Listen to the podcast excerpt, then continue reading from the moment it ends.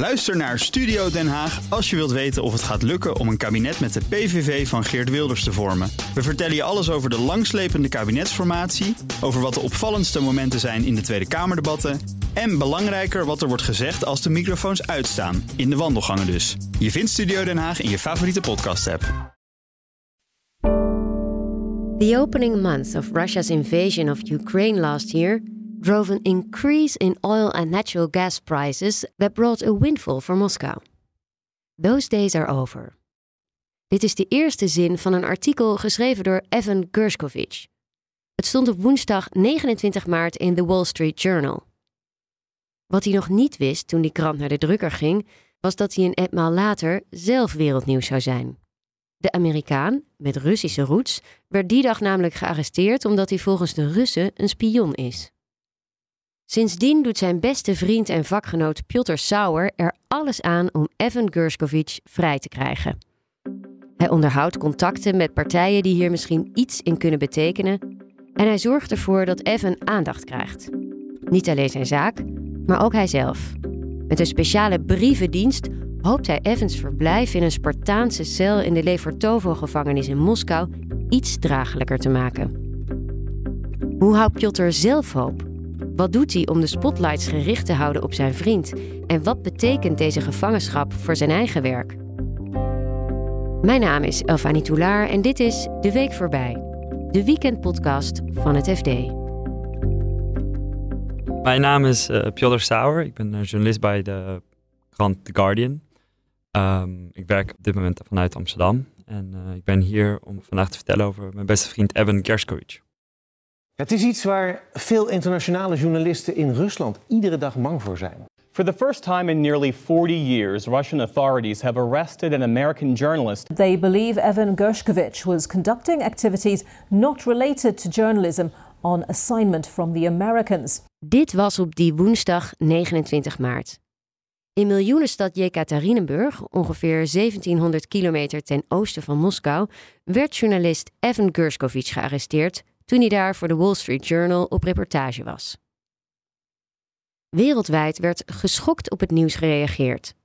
De laatste keer dat een Amerikaanse journalist in Rusland werd opgepakt was in 1986 in de toenmalige Sovjet-Unie. Voor Piotr Sauer was de klap extra groot. De vriendschap tussen hem en Evan ontstond ruim vijf jaar geleden op de redactie van The Moscow Times, de krant opgericht door Piotrs vader, Dirk Sauer. Ik kan de dag heel goed herinneren toen we elkaar voor het eerst hebben ontmoet. Ik uh, liep naar de Moscow Times office. Uh, dat was mijn eerste da dag uh, als journalist. Evan werkte al een paar maanden bij de Moscow Times. En hij leerde me eigenlijk alles over de journalistiek wat, ik nu weet. En voor drie jaar werkten we heel nauw samen bij de Moscow Times. we werden hele goede vrienden binnen en buiten het werk. Um, en ja, we hadden een fantastische tijd in Moskou. We woonden heel dicht bij elkaar en we deden eigenlijk alles samen. Aan het begin van de oorlog uh, ben jij met je familie naar Nederland gekomen. Ja. Hij is gebleven. Uh, wat was zijn overweging? Nou, hij ging ook weg. Uh, we zijn ongeveer Hmm. op dezelfde tijd eerst weggegaan. Um, en het plan was om ook terug te komen. Dus hij, in maart wist je niet precies wat er zou gebeuren. Net na de oorlog was veel paniek. Bijna alle journalisten ja, vluchten toen. Um, en langzamerhand van de zo die zomer 2022 begonnen journalisten terug te komen. En uh, Evan was een van de eerste die terugkwam. Um, ik wou ook heel graag terug, maar ik had niet de juiste papieren van het ministerie van de Buitenlandse Zaken. Dus ik mocht helaas niet terug. En ik was ook jaloers dat hij wel terug kon. Uh, wat als je dat nu op kijkt natuurlijk, dat, uh, dat is een raar gevoel. Mm. Um, maar hij ging terug. Hij voelde dat het zijn werk was uh, om, om, om te vertellen wat in Rusland gebeurt. Hij was een van de enige journalisten die mocht officieel om in Rusland te werken. Hij had alle papieren, accreditaties, et cetera. Uh, dus hij werkte daar en hij maakte fantastische reportages uit Moskou en ook uit de regio, uit Belgorod, uh, een stad naast Oekraïne. Um, en hij was enige, een van de enige stemmen in Rusland die ons, vertelde hoe de Russen over de oorlog dachten. Want hij schrijft dus voor de Wall Street Journal en was dat uh, de vraag hoe de Russen over de oorlog denken zijn drijfveer? Nou, hij, hij snapte de Russen heel goed. Mm -hmm. Ik bedoel niet dat hij snapte waarom ze zoveel voor de oorlog waren, maar hij kon het heel goed overbrengen. Um, hij, hij, hij, kent het land heel goed. Uh, dus ja, een van zijn doelen was wat laten zien hoe, ja, wat de atmosfeer in Rusland was. En hij had een fantastische tekst uit Moskou van de zomer van 22 geschreven. Waar het eigenlijk Moskou één groot feest was. En dat was heel bizar, omdat mensen, het weer was mooi, mensen zaten het feesten. Maar een paar honderd kilometer west gingen mensen dood aan de front. Dus hij liet zien hoe de overheid voor een lange tijd uh, een grote, um, ja, probeerde te scheiden, de oorlog en het normale leven. En daarom bleven de meeste Moscovieten, die voelden ook niks van de, van de oorlog. En dat was een heel, heel belangrijke tekst. Um, nu zit hij uh, drie maanden vast ongeveer. Kun je herinneren hoe je dat hoorde? Ja, ik hoorde het op de dag uh, van zijn arrestatie. Dus nog voordat, hij, voordat het wereldnieuws werd. zijn vader belde me. Um, hij vroeg, heb je van Ebben gehoord? Het was een uur of zeven, s'avonds. Dat was in Amsterdam. Uh, we hadden die ochtend nog uh, getekst, uh, een beetje over voetbal, maar ook over reportages die hij zou maken in Yekaterinburg. dat is de derde grootste stad van Rusland. Mm -hmm. um, en om acht uur s'avonds kreeg ik een berichtje, een belletje van zijn vader. En die zei, ik, we hoorden, we kunnen Ebben niet te pakken krijgen. Dus toen ging ik even mijn telefoon checken, zag ik dat hij al een paar uur niet online was. Um, ik werd een beetje bezorgd, maar toch hoop je dat er eigenlijk niks aan hand is. Dat hij nog druk heeft of ja, nog iets anders. Toen diezelfde avond hebben we toch gehoord dat hij gearresteerd had, was.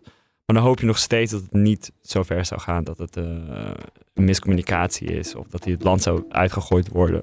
Maar de volgende ochtend krijgen we een bericht van de FSB dat het over spionage gaat. En dan weet je dat het een heel slecht verhaal is helaas.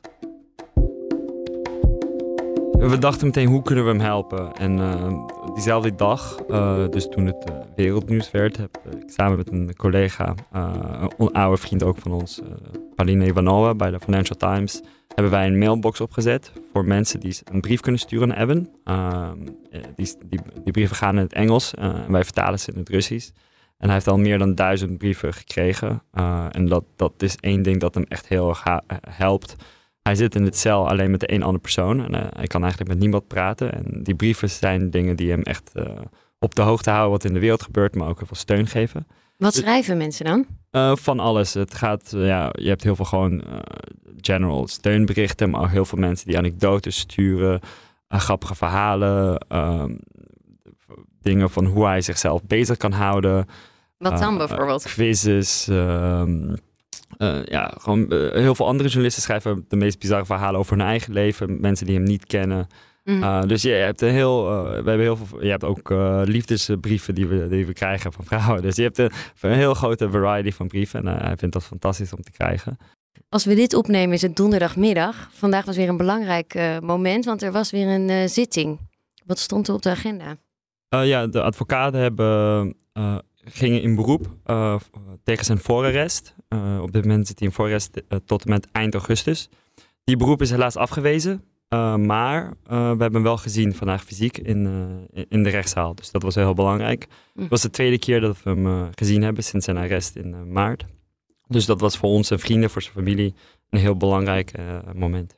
Ik zag een um, sterke, niet gebroken vriend van mij, Evan. Um, ik zag een persoon die wel bleek was. Uh, je ziet dat hij al drie maanden geen zon heeft gehad. Dat hij niet buiten kan lopen. Dat, dat, kan hij niet. Hij heeft één uur per dag dat hij in een klein kamertje met uh, dat soort van buiten is. Maar dat is niet echt buiten, omdat je hebt uh, heel weinig echt licht. Dus het is een persoon die ja, niet, niet echt leeft meer buiten, maar toch nog gezond is.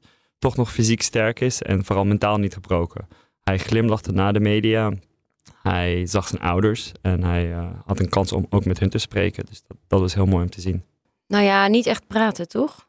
Uh, nou, ze hadden, meestal mag je niet praten. Uh, vorige keer toen we hem zagen, je zit in zo'n kooi. Um, en je, tegen jou wordt wel gesproken, je mag niks terugzeggen. Maar met zijn ouders heeft hij wel snel een paar woorden uitgewisseld. ik denk dat ze eventjes hun, militaire kant hebben laten zien, wat niet heel vaak gebeurt uh, in de Russische rechtbank. Maar hij had wel de kans om eventjes grapjes te maken met zijn ouders. En uh, ik weet dat zijn moeder en zijn vader, die zijn uit Amerika gevlogen en die vinden dat natuurlijk, dit, betekent zoveel voor hen. Heb je nog contact met die ouders vaak? Uh, ja, we, we, sturen elkaar berichtjes. Ik heb vooral contact met, die met de zus. Um, super, super aardige mensen. ik ben van plan om in september naar Amerika te vliegen om ook hun fysiek bij te staan om hem te zien. Omdat uh, ja, je voelt gewoon dat ze het hem moeilijk hebben. Ik bedoel, Evan was een uh, enige zoon. Uh, en ze waren zelf gevlucht uit de Sovjet-Unie in de jaren zeventig. eh, als Joodse vluchtelingen. En om nu hun eigen zoon in de gevangenis te zien, dat is natuurlijk heel ironisch en ook heel moeilijk voor hun. Evan Gershkovich zit dus nu sowieso tot eind augustus in de gevangenis. Daarbuiten doen Piotr en zijn andere vrienden er alles aan om de aandacht voor de zaak vast te houden. In de media, op conferenties, overal moet het verhaal over deze opgepakte journalist gehoord worden. De aandacht van president Biden voor de zaak is daarbij van groot belang. Gershkovich is nu namelijk een pion in een geopolitiek conflict. Kijk, uiteindelijk weten we dat hij gearresteerd is omdat hij een Amerikaanse persoon is met een Amerikaanse paspoort. En uiteindelijk wil Rusland hem uitleveren voor een echte spion die het Westen heeft. Dat hebben ze ook gedaan met Brittany Griner. Die ze hebben gepakt, die basketbalster, voor, uh, op, op drugsverdenking. Uh, ze had wat marihuana meegenomen, volgens mij. Ja, dat was een half jaar geleden. Dat was een half jaar geleden en toen was het gelukt. Uh, de Russen hebben hem voor Boet verwisseld, de beroemde oorlogssmokkelaar, ehm, wapensmokkelaar. En ze hebben gezien dat het werkt. En helaas zijn ze zo cynisch om het nog een keer te doen. Maar deze keer met een journalist. Uh, en misschien wel een grotere target. Dus zij willen iemand terug.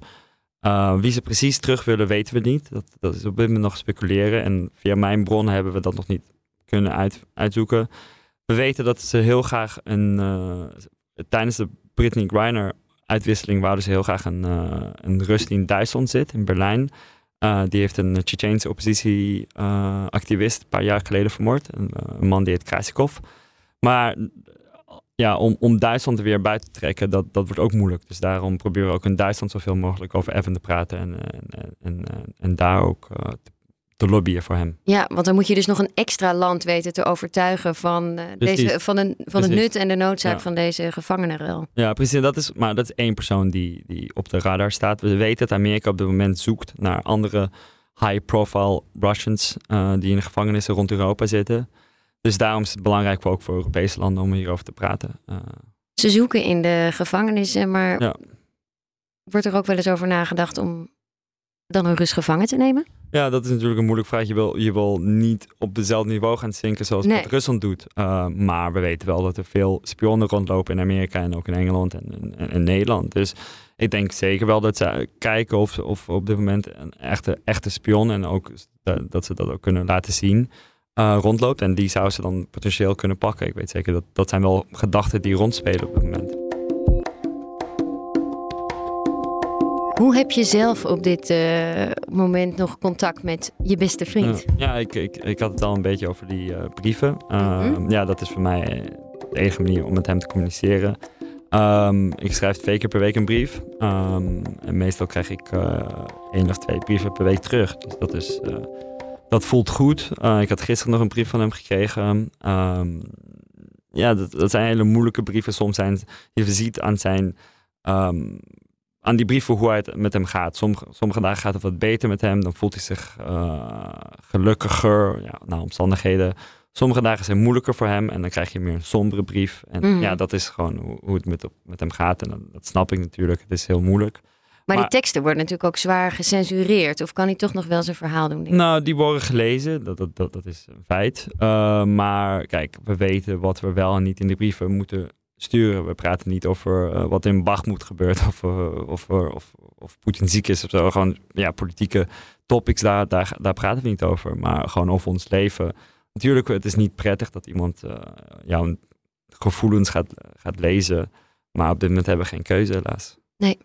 En wat schrijf je dan over je eigen leven? Want dat lijkt me ook nog wel moeilijk. Van, kun je vertellen hoe ja. stralend zomerweertje is? Ja, nee, het, het, ik, ik had uh, één brief geschreven, was uh, een uur voordat ik naar Koningsdag ging. En toen zei ik, ja, het voelt raar, het is hier feest.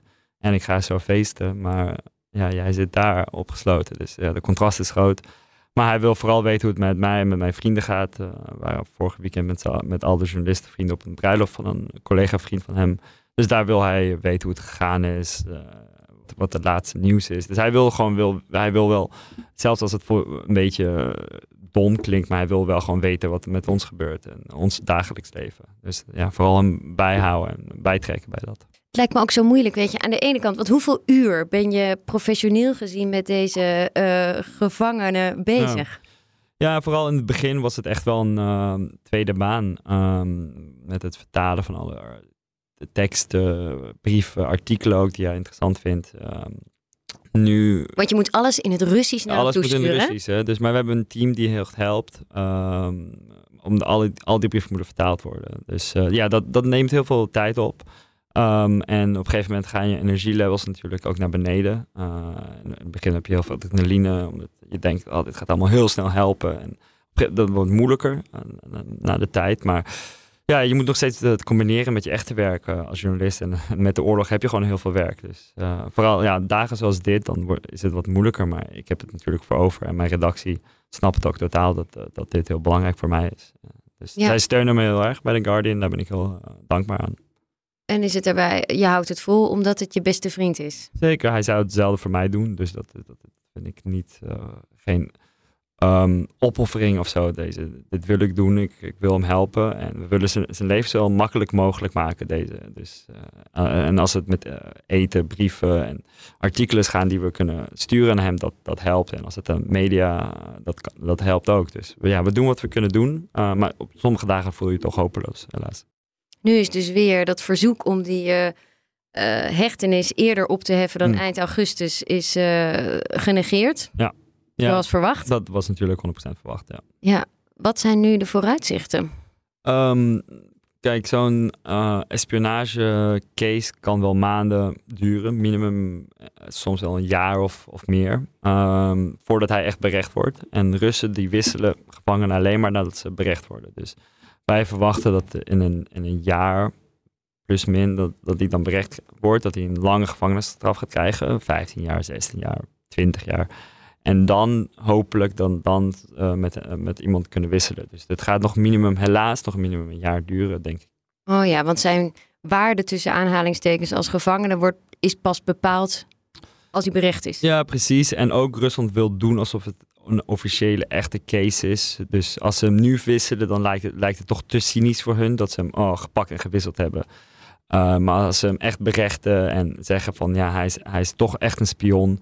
Uh, dat vinden zij dan belangrijk uh, om te doen alsof het allemaal echt is. Dat het geen kangaroo court is, maar dat het uh, wel een officiële strafproces is. Maar dat is natuurlijk allemaal onzin. En wij hebben het veel liever dat ze hem gewoon nu wisselen. Maar Rusland wil doen alsof het allemaal echt is. Het gaat dus nog eindeloos duren. Ja. Wat doet de Wall Street Journal tot die tijd om dat vuur van aandacht eh, brandende te houden? Ja, dat is een goede vraag. Ik bedoel, wij, uh, de Wall Street Journal is natuurlijk een hele machtige krant in Amerika. Een van de machtigste kranten. Uh, die hebben goede contact met het Witte Huis. Uh, ze, ze, spreken veel met hun. We hebben een dagelijks, wekelijkse call met de Wall Street Journal. Waar ik bij zit. En die, ze hebben altijd ideeën om, om ook beroemdheden bij te, bij te halen. Flashmobs te creëren. Uh, was een hele hij was een goede chef. Dus we willen de beroemdste chef van, uh, chefs van Amerika samen krijgen. En dan een recept maken die Evan vaak maakte. En dan op Instagram zetten. Dus allemaal ideeën om hem een beetje in het leven te houden. Um, ze steunen Evans gezin ook heel erg. Zijn ouders. Moreel en financieel. Dus ik ben wel heel dankbaar aan, aan de Wall Street Journal. Dus bijvoorbeeld vliegtickets, want ze zijn al een paar keer Ja. naar Rusland gevlogen. Ja, de tweede keer. Ja, ik weet niet precies hoe dat, dat, Nee. dat gaat. Maar ik weet zeker dat ze natuurlijk geholpen worden. Ook met advies hoe ze in Rusland moeten gedragen. Um, omdat ja, het is natuurlijk heel moeilijk voor, voor, voor die ouders om, om terug te komen naar, naar, naar Rusland. Naar, Ze zijn eind jaren zeventig gevlucht, hè? Dus ja, ze zijn daarna nog één keer bij Emmet geweest. Maar nu zijn ze natuurlijk daar. En uh, ze zijn heel in de publiciteit. Uh, Russische staatsmedia zou graag met hun interviews willen doen en provoceren. Dus ja, het is voor hun heel moeilijk. Maar ze kunnen zich uh, wel goed, ze weten wel wat ze moeten doen en ze, ze, doen het heel goed. Zou je ter plaatse verslag willen doen van deze zaak? En zou dat mogelijk zijn eigenlijk? Ja, dat is een, ik vraag me vaak af wat zou, wat, hoe Evan zou reageren als hij mij dan uh, voor zijn kooi zou zien. Of hij boos zou zijn van wat, wat doe jij hier? Je kan ook opgepakt worden. Of hij, of hij juist dankbaar zou zijn, dat, dat weet ik niet. Um, dat, dat, moet ik nog vragen. Maar ik, ja, op dit moment is het gewoon niet verantwoordelijk voor mij om terug te gaan.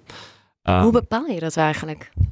Ja, dat is een moeilijke uh, keuze die je moet maken. Um, maar kijk, voor, voor mij was. Uh, we, we, we, wachten altijd op een signaal. Uh, en Evan, zijn arrest is toch het signaal dat het niet meer veilig is voor journalisten.